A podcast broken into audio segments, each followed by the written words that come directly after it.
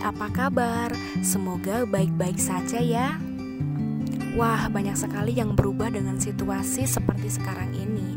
Ya, tidak lain dan tidak bukan, yakni dampak dari pandemi yang sedang terjadi dan merebak di seluruh penjuru dunia, apalagi kalau bukan COVID-19 yang disebabkan oleh virus corona.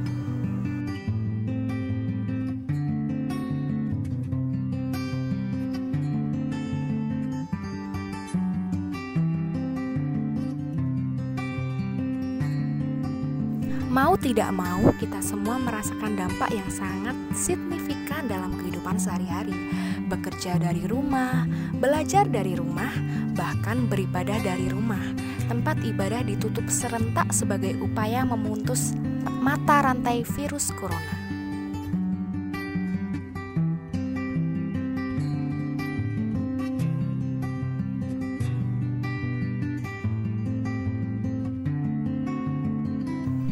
Siapa yang membayangkan hal demikian terjadi?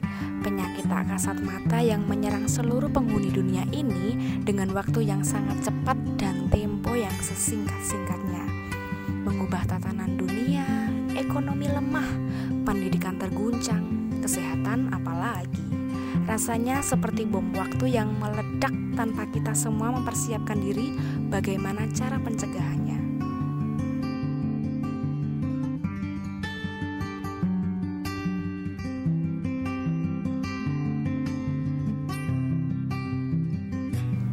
Teman-teman harus tetap semangat, meskipun semua berubah secara otomatis.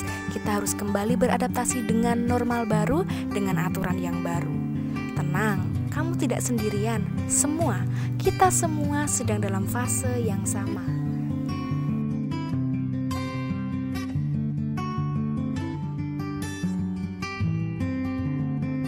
Hey, Mari kita ambil sisi positif mengapa hal seperti ini terjadi.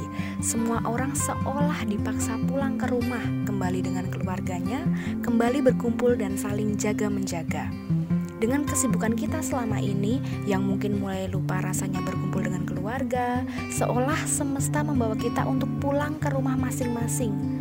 Bukan bangunan rumah, namun feel atau rasa home sweet home yang lama kita lupakan.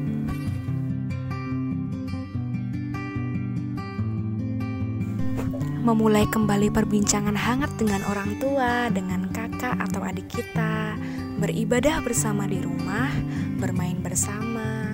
Hmm, hal-hal demikian sangat berpengaruh untuk menjalin kedekatan dan keakraban antar anggota keluarga.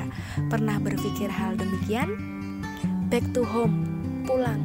Kita semua seolah dipaksa untuk pulang, untuk kembali ke rumah kita masing-masing, untuk saling jaga-menjaga, untuk saling memperhatikan satu dengan yang lain.